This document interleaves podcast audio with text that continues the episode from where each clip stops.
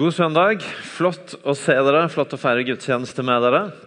Og tusen, tusen takk for gaven til Thailand. Eh, det er en ting vi kontinuerlig jobber med her i menigheten. At vi som er her og bor i Stavanger og hører til i ei kirke i Stavanger by, at vi på et eller annet vis får med oss at med det fundamentet så får vi være med på en bevegelse som har retning og eh, betydning mange forskjellige steder i verden. Dere hørte akkurat om Thailand. og eh, Før vi går inn i det som skal være forkynnelsen i dag, så har jeg veldig lyst til at dere skal få et annet glimt. Fordi Nylig så vi, fikk vi hjem igjen en gjeng som har vært på Cuba av alle steder og starta Agenda 1. Og Nå må dere ta godt imot eh, Mariann og Thomas, som kommer for å fortelle litt om det.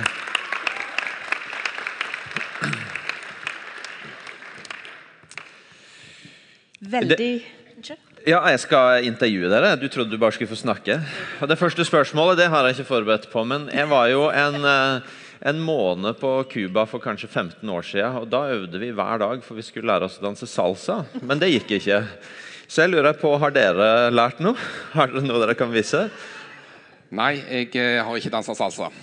Nei, Men vi har vært med på veldig mye andre kjekke ting. Ok, Fortell litt om det i stedet. da. Nå kan du begynne. Marianne, på det du har tenkt.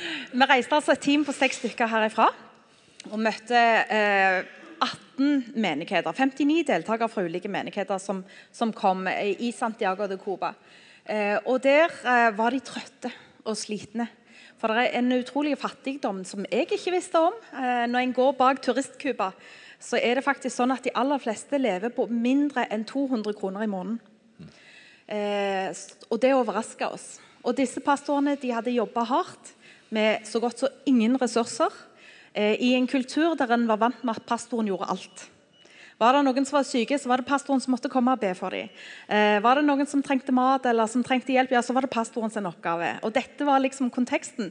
Og så tok de imot oss uten å vite hva vi kom med. Det syns jeg var ganske sterkt. Og Derfor å jeg med folk om at vi er kalt til å gjøre disipler og ikke til å frelse folk, det ble en stor åpenbaring. Selvfølgelig vil vi at folk skal bli frelst. Men Gud har sagt at, eller Jesus har sagt at vi skal gå ut over hele verden og gjøre disipler. Og, og det å få snakke om det, og at de fikk se naboene sine og vennskapene sine i et annet lys, det var veldig veldig spesielt. Veldig sterkt. Det ble en åpenbaring for dem. Og Så gikk vi rundt og vi ba for syke underveis. og Det fikk vi god anledning til, for det er utrolig mange syke. Ja, det er det. Og det er utrolig gøy å få lov å være med på dette med Agenda 1 og få gjøre det i praksis. Og vise det at vi kan be. Alle kan be. Det er ikke bare pastoren, men alle kan være med å be. Og når vi, ber, så gjør Gud noe. Det er ikke alltid vi forstår hva han gjør, men han gjør alltid noe. Da var det utrolig gøy å få lov å være med og be for syke og så se at de blir momentant helbreda. Det er utrolig gøy. Og det til å se reaksjonen i øynene på de du ber for, eller de som står rundt, og ser liksom vantroen bare falle vekk, og tenker dette kan vi gjøre. Vi hadde en mann som datt ned ei trapp, ei steintrapp. De, menighetene bygde de bygger etter hvert som de har penger, så bygger de på litt og litt. Og trappene er ikke alltid like logiske. Så han datt ned ei sånn steintrapp. Han lå nederst i steintrappa og var skamslått. Han kunne ikke røre seg. Han hadde vondt i albue, vondt i rygg og lå og oia seg, og ingen fikk røre han. Og Så får vi komme ned og så spør kan vi bare få lov å legge en hånd på deg og be for deg. Etter kort tid så kommer han seg ut av trappen, sitter i en stol, vi ber litt videre. Etter ca. fem minutter forbønn så er han oppe og går og er helt annerledes og kan få være med på resten av konferansen. Og de trenger ikke ringe til sykebil, så resten rundt sto og lurte på om de skulle hente.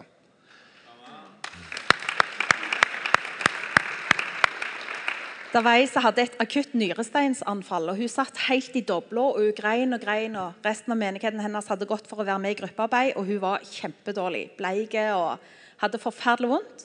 Snakket med henne på en skala fra, fra 0 til 10. Hvor vondt har du? 8-9. Du merka det var vanskelig for henne å snakke. Hun var kjempedårlig. Så spurte vi om vi kunne be for henne, og hun var litt sånn Ja, ja. ja, ja. Greit, det, liksom. Ba for henne, og hun ser på oss etterpå. Eh, vi spør ja, hvordan er det nå med smertene dine. Hva nivå er de på nå? Jo, nå var de på tre. Og det var helt fint. Og hun var fornøyd med det og var veldig sånn Jeg visste ikke at det gikk an. Så sier vi men kan vi få be litt til. Ja, det kunne vi gjøre. Så ba vi igjen, og etterpå så var hun fullstendig smertefri. Og vi spurte henne er du bare hyggelig med oss nå. Nei, hun var fullstendig smertefri, men hun kjente at det var noe som bevegde seg. Eh, og vi hadde bedt om at disse nyresteinene bare skulle løse seg opp.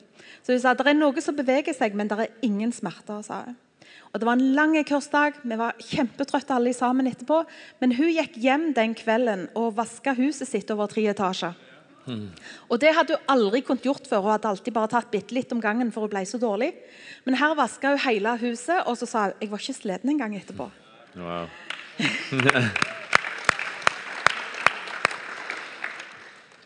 vi hadde en av pastorene som kom. Så eh, Disse husene er små. Det var tre etasjer der som vi hadde menigheten og samlingen. Og hun sa jeg greier ikke gå opp trappene. Hun, lunge Lungeemfysem. Takk. Um, og hun var sliten. Og vi fikk be for henne første kvelden hun kom. Og hun kom ikke opp trappene. Dagen etterpå så ser vi ei som springer opp under trappene hele veien. Ikke sant? Vi har folk som sleit med, med veldig mange med vonde kne. For de går utrolig mye. Så de går hele veien, og knærne var verka og var utslitt på veldig mange. Og det å se godt voksne damer ute i det fattigste området på en gudstjeneste står og tester og bøyer kne og sier 'Dette har jeg ikke gjort på veldig, veldig lenge'. Det, det er spesielt. Du fikk be for ei med hørsel. Så de sto, satt og ropte til henne. For hver gang hun skulle snakke, så, så a- hele nabolaget hørte det. Så det var ikke tvil. Og så sitter Marianne og ber for henne. Og så eh, merker ikke hun sjøl noe. Men alle rundt kunne du se at her er det en forandring. For hun registrerte ikke selv, Hun trodde jo at Marianne fortsatt ropte til henne. Men Marianne senka stemmen og brukte vanlig stemme etter hvert. Og du skulle sett uttrykk på de rundt oss, og fikk tilbakemelding i ca. en ukes tid etterpå at nå trenger vi ikke rope til henne lenger. Wow. Skal vi stå sammen et lite øyeblikk? Um, ja, jeg mente det. Vi er ikke vant til å reise oss nå. Jeg skal stå litt nå. Ehm, når vi forteller vitnesbyrd, så bruker vi å si at vi tror at det også er en fortelling om at Gud kan gjøre det igjen. Eh, når vi deler vitnesbyrd, så skaper det tro. Eh, og Hvis du kommer hit til gudstjeneste i dag med en smerte, en sykdom, og du hører disse historiene og du tenker dette skaper meg en lyst til at kan noen be for meg også i dag, for jeg, jeg trenger å se Gud eh, handle inn i livet mitt. Så jeg har bare lyst til å be deg om å rekke opp ei hånd, og så vil jeg be Marianne og Thomas om å be for deg. Så bare rekk opp ei hånd hvis du ønsker at noen skal be, og så vil de be inn i situasjonen. Veldig bra. Mens dere gjør det, så vil jeg bare si at når vi fortalte om disse nyresteinene som løste seg opp, så var det flere som ble momentant helbredet fra nyreproblematikk.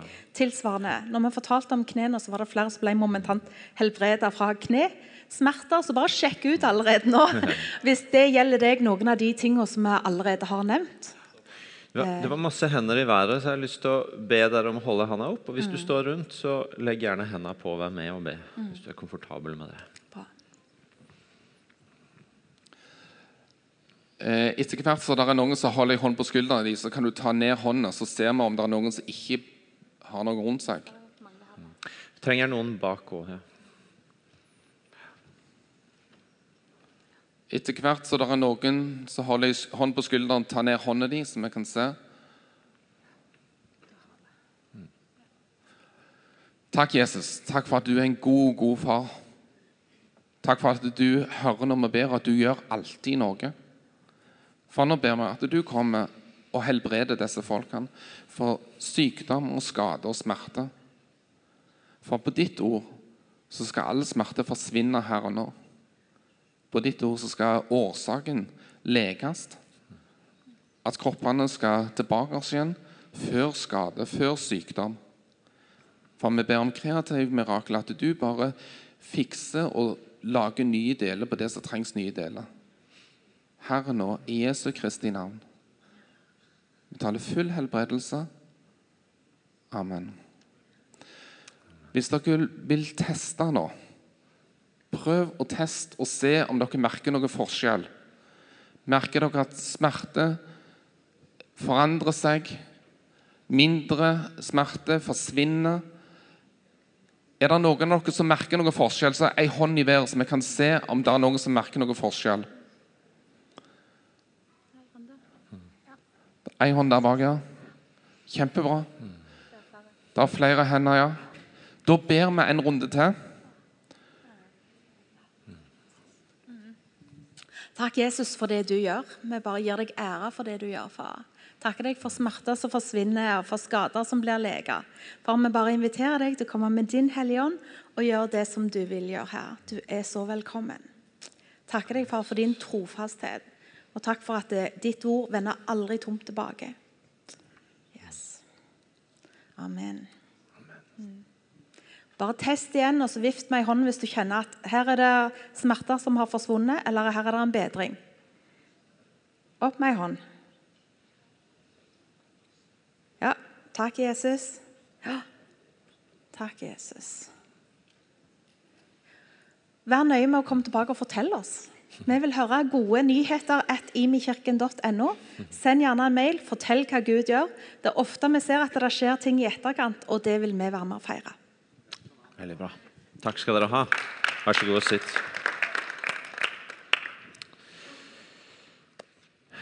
Det er mange som eh, rekker hendene i været, og det skal på den ene sida oppmuntre oss til å be og minne oss som fellesskap om at midt i alt vi gjør, og alt vi feirer, og alt som skjer, så er det ganske mye smerte rundt oss i menigheten vår. Eh, og Det utfordrer oss både på å be, men også på å se hverandre og bry oss om hverandre i det som er hverdagen vår. Nå skal vi eh, kikke inn i godhet eh, og den uka som ligger foran oss. Før det så ber vi en bønn. Jesus, eh, takk for at du er her. Takk for at du kom, og takk for at det sies om du at du gikk omkring overalt og gjorde godt. Det livet har vi lyst til å få tak i, og det livet har vi lyst til å både bli berørt av og bli inspirert av. Og Derfor så ber vi deg om å møte oss gjennom ordet ditt i dag og gjennom historiene om du og om det du gjør i vår verden i dag, på en sånn måte at det får både berøre oss og bevege oss. Amen.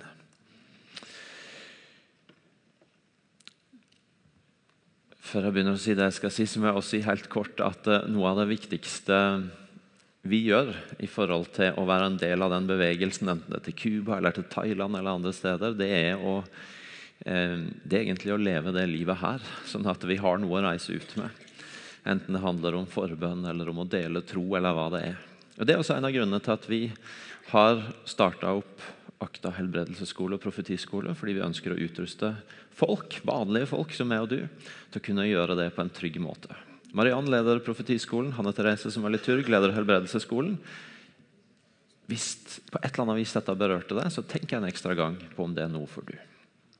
Da skal vi gå på godhet. For noen år siden, det blir vel tre år siden nå, så var vi midt i eller til høsten blir det tre år siden, så var vi midt i flyktningstrømmen som kom til Europa, og som kom til vårt land, og som kom til vår by, og som berørte vår menighet på en sånn måte at vi tenkte vi må være med på å gjøre det vi kan for at dette skal være en god by å komme til for de som kommer nye til vår by. Og Mange av dere bretta opp ermene og var med på masse forskjellig, enten det var å åpne hjemmene deres eller å møte her mange ganger i uka på språkkafé, eller gå opp på Alstor på mottaket der og montere senger og besøke folk. Mange var i aksjon, og mange engasjerte seg for å si velkommen til byen vår. Midt i det så ringer ei dame til en i staben vår. Og så ei, ei, ei dame som ikke er en del av denne menigheten, men nå, nå høres det ut som jeg skal sette opp en litt rar motsetning. Det var ikke intendert. Jeg var på vei til å si eh, ei dame som ikke er en del av menigheten vår, men veldig oppegående. Men det kan jo altså være, så, så det, var ikke en, eh, meint, det var ikke en meint motsetning. Men i hvert fall Hun ringer, og så sier hun Jeg merker at jeg begynner å bli redd. Begynner å bli redd for alle som kommer, begynner å bli redd for det fremmede. Jeg trenger å få være med dere og få gjøre et eller annet praktisk konkret godt som tar meg nær disse menneskene som kommer, for jeg trenger å konfrontere frykten min. Den telefonen, den historien, den har jeg tenkt på så mange ganger etterpå. Fordi det er så motsatt av det som bruker å være responsen vår når vi kjenner at frykten begynner å komme på oss for noe eller noen. Det ligger så nærliggende for oss å trekke oss unna, gjemme oss litt, flykte litt, komme oss på et trygt sted. Og så har du ei dame som sier jeg er nødt til å konfrontere frykten min. Jeg er nødt til å la godheten som jeg kan få være med på hos dere, være en sånn motgift mot frykten min. Som gjør at jeg kan bli kvitt den, og at jeg kan møte disse menneskene på en ordentlig måte. En fantastisk inspirerende måte å møte frykt på i eget liv. Fantastisk måte å ikke trekke seg unna, men å konfrontere på. Rundt Jesus så var det mange mennesker som var opptatt av å lage skiller. Ikke ta på de, for da blir du urein. Ikke spis med de, for da gir du feil signal. Ikke, ikke snakk med den, eller ikke la hun dama vaske beina dine. Mange folk som stadig vekk er borti Jesus og skal prøve å lage et skille. Si at de er der, men du er nødt til å være her hvis du skal være på rett side. En av de historiene de står i Matteus 9, hvor Jesus har kalt Levi, som en som, som det står at uh, sitter Eller jeg kan lese det. Uh, kapittel 9 fra vers 9. Derfra gikk Jesus videre og fikk se en mann som satt på tollboden. Han het Matteus. Jesus sa til han, 'Følg meg.' Og han reiste seg og fulgte han. Senere var Jesus gjest i huset. Det kom også mange tollere og syndere og var sammen med Jesus og disiplene hans til bords. Dette så fariseerne, og de sa til disiplene.: Hvorfor spiser mesteren deres sammen med tollere og syndere? Men Jesus hørte det og sa, Det er ikke de friske som trenger lege, men de syke. Gå og lær hva dette betyr. Det er barmhjertighet jeg vil ha, ikke offer. Jeg er ikke kommet for å kalle rettferdige, men syndere. Det er en gjeng tollere som samles til bords, som i seg sjøl er verdt å merke seg. Fordi det er det som så lett skjer, og som egentlig skjer mer enn vi, skjer mer enn vi liker det i vårt samfunn òg, nemlig at noen mennesker finner sammen, gjerne fordi at de ikke kjenner seg akseptert av de andre, eller finner plass hos de andre. Og Tollerne de var uglesett, de representerte feil styre. de snøyt folk for penger. De var ikke populære. Og så, er det de som finner sammen i et slags skjebnefellesskap. Og her sitter den gjengen og spiser sammen. En kan jo tenke på hvilke, hvilke grupper er det i vårt samfunn vi ofte ser at de, den gjengen henger sammen. Kanskje har det ikke alltid med at det er de som velger bare at de velger hverandre, men at noen andre velger de bort. Men de blir nødt til å være de som finner sammen. Og Så sitter Jesus av alle til bords med dem. Og Så kommer disse menneskene, disse fariseerne og skriftlærde, og så sier de du kan jo ikke spise med de. Det er jo helt feil signal. Det er helt feil folk. De er på, de er på feil side av skillelinjene. Hvorfor spiser du med de? Og Så gir Jesus dette svaret, som, som jeg tror er så utrolig viktig for oss å få tak i, for å forstå hvem Jesus er, og hvordan han forsto seg sjøl, og hvorfor han kom til oss. Når han sier at det er ikke de friske som trenger lege, men de syke. Sagt på en annen måte jeg kom ikke for de som ikke trenger meg, men jeg kom for de som trenger meg. Jeg kom ikke for å demonstrere at jeg har noe dere ikke har. Men jeg kom for å komme til de som trenger, for å gi det jeg har. Og så sier han det er barmhjertighet jeg vil ha, ikke offer. Jeg vil ikke ha skillelinjene deres. Jeg vil ikke ha religiøsiteten deres. Jeg vil ikke ha all rettskaffenheten deres som sikrer dere å være på rett side, men først og fremst, men jeg vil ha barmhjertigheten deres. Jeg vil ha en helt annen måte å nærme, meg, nærme seg menneskene rundt på. Det er det Jesus vil ha, det er det han spør etter. Jeg er ikke kommet for de som ikke trenger meg. Jeg er kommet for de som trenger meg. Jeg er kommet med noe for å gi til de som trenger meg. For noen uker siden var jeg på en konferanse i London. Der var det en amerikansk advokat som heter Brian Stevenson, menneskerettighetsadvokat. Han har gitt livet sitt til å bl.a. representere folk som er dødsdømt, og veldig mange unge som er dødsdømt. Han representerer mange langt ned i tenåra, 12-13-14-åringer, som er tatt for og på ulike vis har tatt livet av folk eller andre ting, og som står tiltalt for dødsstraff eller livstids, livstidsstraff. Og denne mannen, Brian Stevensons historier og det han forteller om, det er ikke fortellinger om eh, hvordan han på dramatisk og mirakuløst vis vant rettssakene til folk. Men det er fortellinger om hvordan han går nær noen mennesker som så mange andre bare vil plassere i en bås. Som, har, som til tross for en så ung alder, til tross for hva som måtte ha ført de dit de er kommet, så er det så mye i systemet som bare vil sette en merkelapp på dem. Dødsdømt eller drapsmann.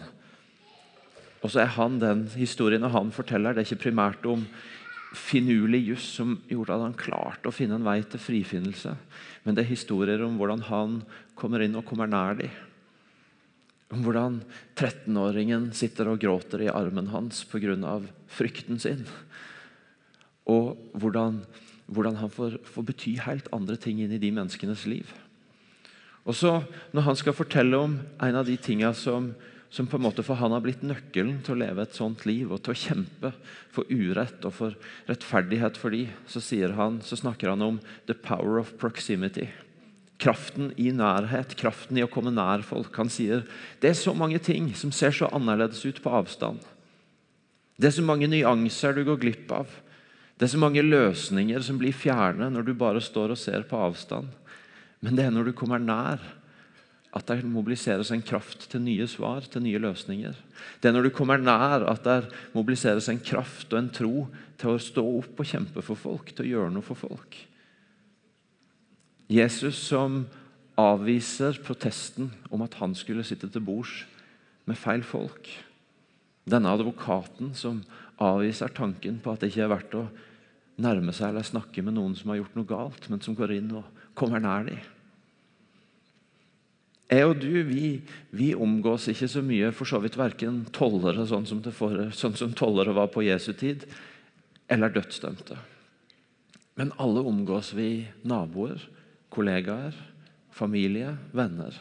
Jeg har lyst til å vise dere en enkel video fra Godhet i fjor om noen som tok det på alvor i sitt nabolag. Kan vi få se filmen, Hanne?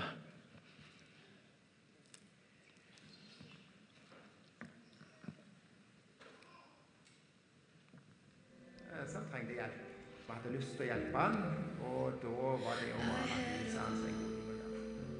Det betyr veldig mye. For du står jo i en sånn situasjon, så vet du ikke hva du kan hjelpe med. Uh, og da Det å finne en ting som en kan, kan få gjøre og bidra med, det betyr veldig mye. Det beste med godhet det er jo at vi kommer i sammen som naboer og bidrar. Her maler vi et eh, hus for en nabo eh, som trengte hjelp. Vi hadde lyst til å hjelpe han, og da var det å male huset hans en god ting å gjøre. Det betyr veldig mye, for du står jo i en sånn situasjon så vet du ikke hva du kan hjelpe med.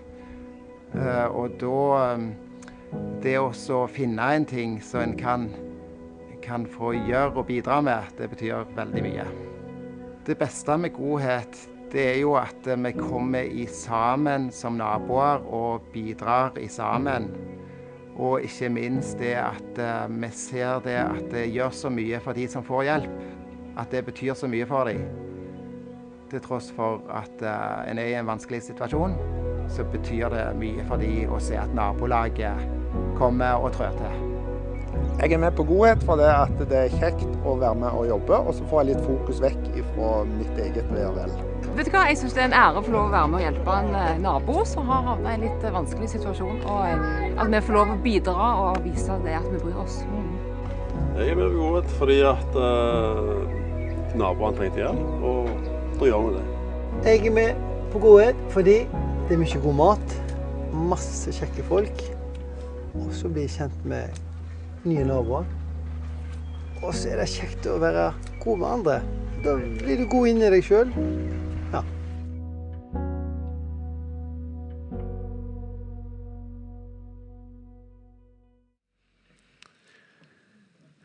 Så du hun dama inne i midten der som så vidt klarte å svelge klumpen i halsen for å si noe om hva det betydde å få komme nær en nabo som hadde havna i en vanskelig situasjon.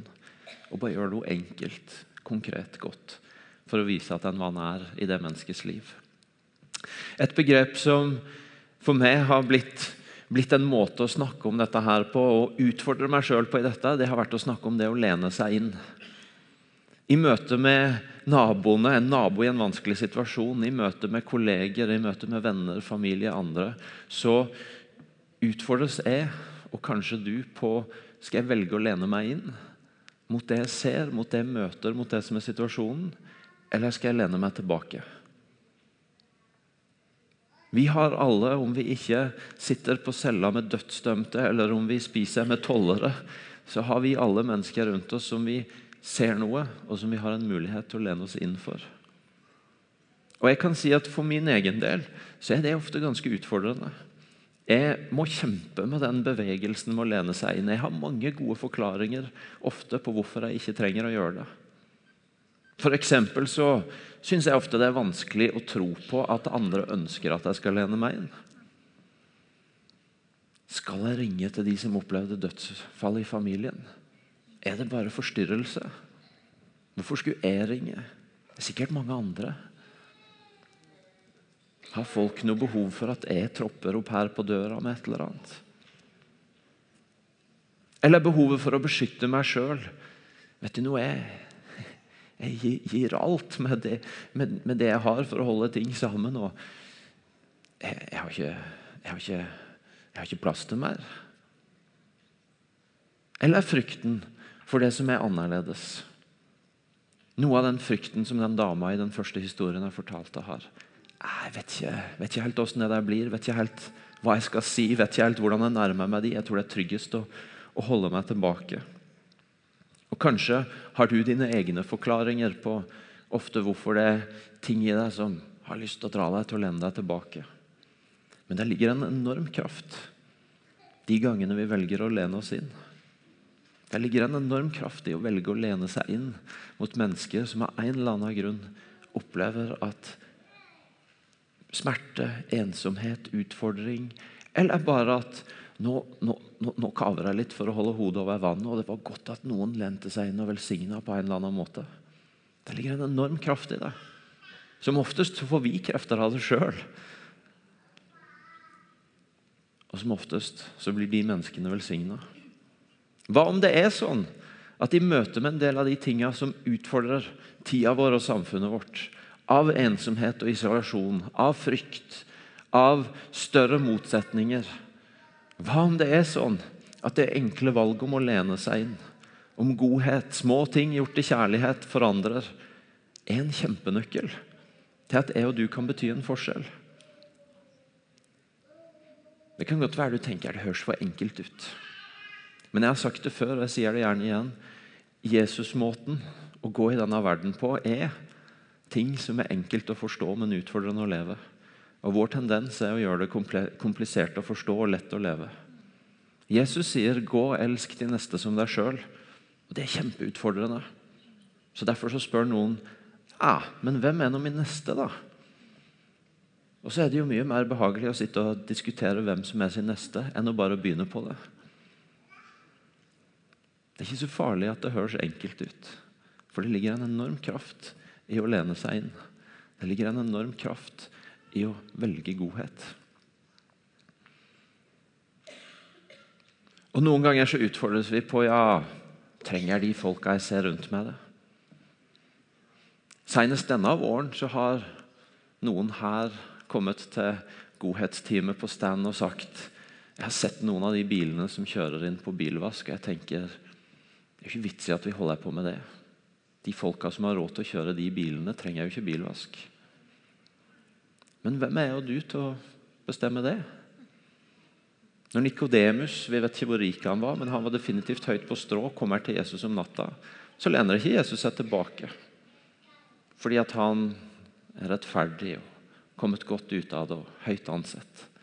Nei, Han lener seg inn i spørsmåla, i anliggende, i nøden til Nikodemus og møter han der han er.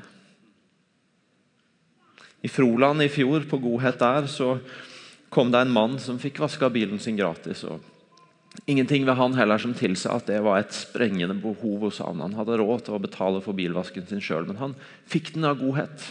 Noen i Froland lente seg inn. Han blir så begeistra at han blir med på resten av godhetsuka. Og Så sier han også at han har et gartneri som de gjerne må komme og få planter til bruk under godhetsuka.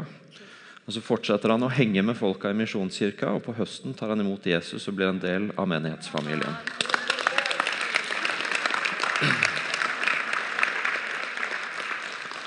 Det er ikke min og din sak å bestemme hvem som trenger godhet.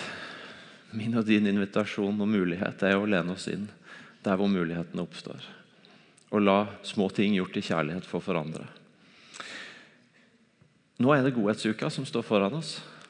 Fem dager dedikert hver ettermiddag til å være i denne byen og lene oss inn.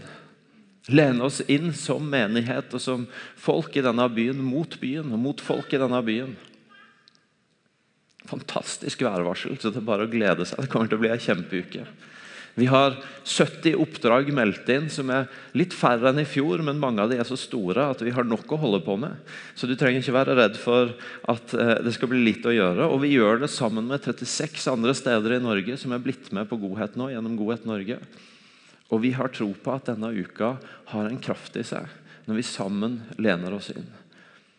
Godhet handler ikke om en aksjon eller ei uke. Det handler om en måte å leve på. Men Godhetsuka er for det første som jeg sier, en kollektiv måte å lene seg inn mot byen på. Og det er en treningsuke for et liv som varer resten av året. Og Derfor er jeg utrolig frimodig på å utfordre dere og på å utfordre dere som ennå ikke har fått meldt dere på, på å bli med. For det blir ei kjempeuke, og det kommer til å bli minst like bra for du som for de som mottar godheten. Fordi det kommer til å skape noe i deg. Av denne gleden over å lene seg inn. Og for å være med på en bevegelse, for å se betydningen når en velger å lene seg inn. Helt konkret. Fem til ni hver ettermiddag. Hvis du kommer med familien din med barna, så er det fem til sju. Sånn at du skal slippe å tenke på at det går ikke fordi barna må hjem og legge seg. Nei, dere kan gå før. Alle, det er helt greit. Det har vi planlagt for når du melder på familien din. Kanskje tenker du på om du skal rekke middagen før, men vi serverer middag her mellom fire og fem, så du kan komme hit og spise. Og Så får du den infoen du trenger, og så kan du reise ut på oppdrag sammen med noen andre. Godhetsteamet ba meg hilse og si at fordi vi er litt sånn notorisk seine i denne menighetsfamilien vår på å få gjort det vi hadde tenkt på, nemlig å melde oss på, så kommer infoen om oppdragene seint i kveld eller i morgen. Så dere som venter på det, det kommer, det kommer. Men vi må bare få alle med først. Og så har jeg lyst til å si til dere som er foreldre, at ikke vær så opptatt av Ikke, ikke gjør det resonnementet at nei, mine barn er det. Det er så mye å bare holde styr på de at vi får nok ikke gjort noe særlig. Så jeg tror vi dropper det. Mine barn er, altså Pastorbarn er veldig vanlige barn. De er ikke spesielt helligere eller frommere eller alt sånt. Eh, de spør om like mye iPad-tid og like mye sjokolade. alt sånt. Men de har vært vant til å være med på godhet siden før de kunne gå. Og de gleder seg til godhet hvert år. Poenget er ikke hvor mye barna dine får gjort på godhet, men at du får det inn i dette livet. At de får gjort erfaringer, at dette er en del av det vi er med på. Derfor må du melde på familien din. Ikke velg det ut fordi at eh, det, det blir ikke noe med det med vår familie, men velg det inn, sånn at du får det i gang. Så eh, Jeg har litt mer jeg skal si, men eh, jeg skal gjøre det så enkelt jeg bare klarer for dere i dag. For alt jeg har lært, tilsier at dere kan bli begeistra nå, så går dere ut og så glemmer dere det. Så nå skal dere få to minutter. Alle som har smarttelefoner, kan ta opp smarttelefonen sin. Særlig hvis du ikke er påmeldt. Og jeg vet at dere har den med, for jeg ser godt herfra, så jeg ser når dere bruker den ellers òg. Og så kan dere gå inn på godhet.no. Når dere kommer inn på godhet.no, så er det en eh, meny i toppen. Eller du trenger ikke trykke på menyen engang. Du kan bare se på bildet, og så står der 'Vil du hjelpe?' Og Der inne på 'Vil du hjelpe?' så velger du Godhet Stavanger. Eller hvis du er her fra Sandnes, så velger du Godhet Sandnes. Eller fra Tananger, så velger du Godhet Tananger. De fleste av dere er Stavanger. Godhet Stavanger. Og så skal du få et minutt eller to til å fylle ut før jeg sier det siste jeg har tenkt å si. Hanne, du kan sikkert sette på et minutt med bakgrunnsmusikk, så ikke folk føler at det blir så kleint i salen. Skal de få lov til å fylle ut, og så skal vi avrunde.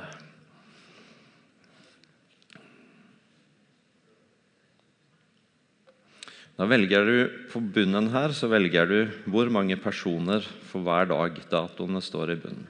Om det bare er deg sjøl, eller om du skal ha med familien din eller noen andre.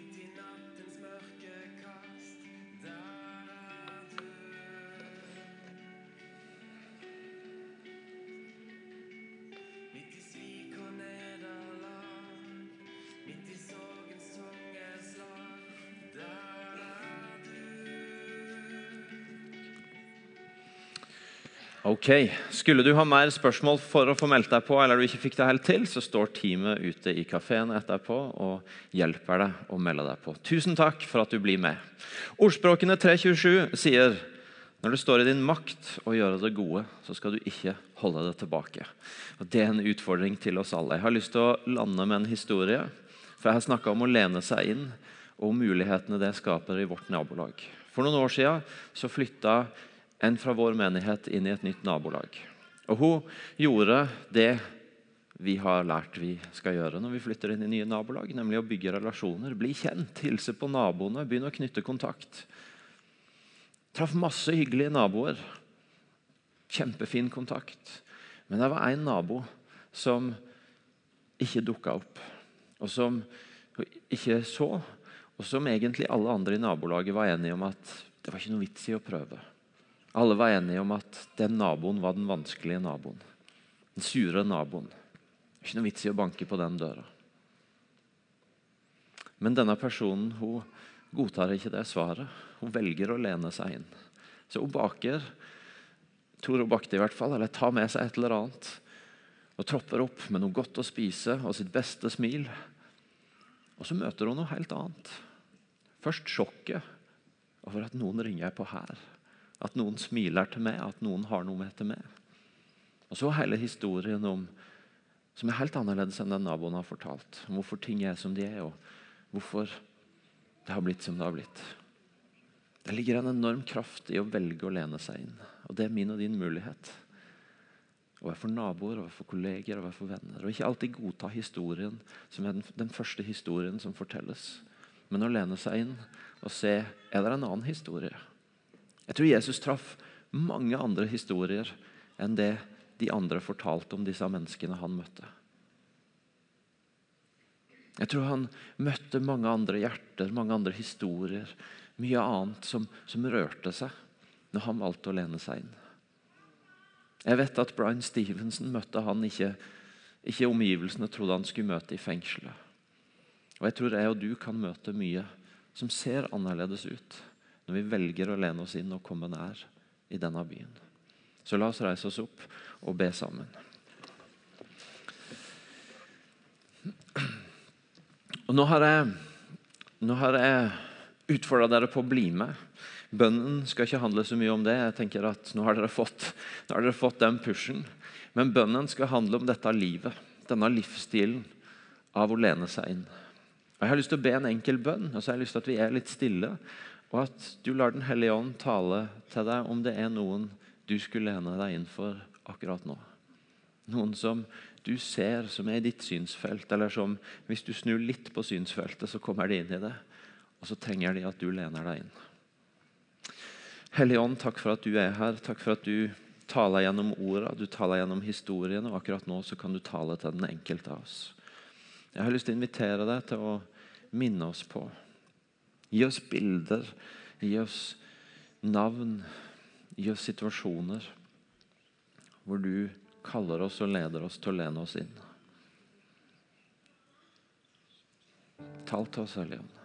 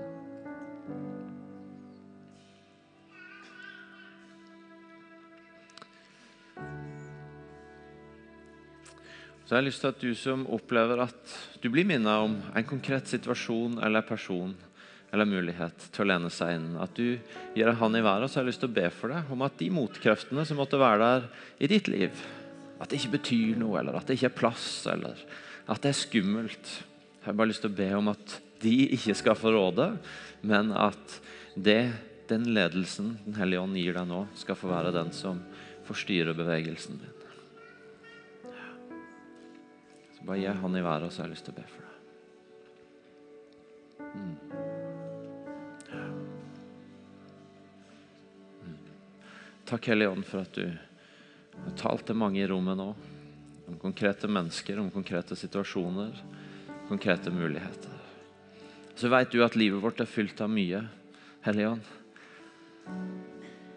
Og at det kan være ting som forsøker å ta fra oss det initiativet, den ledelsen du har gitt oss nå.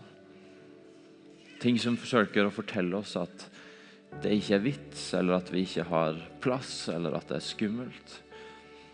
Så jeg bare har lyst til å be deg, Hellige Ånd, om at du virker imot det. Og at du utruster med alt som trengs for å gå på det du har kalt til. Det står i ordet at han som begynte et godt verk i oss, skal fullføre det. Og Det betyr at du gir alt vi trenger på veien. Så utrust og led. Og la oss få holde fast i dine sannheter, og ikke i våre egne løgner. Jeg ber deg, Jesus.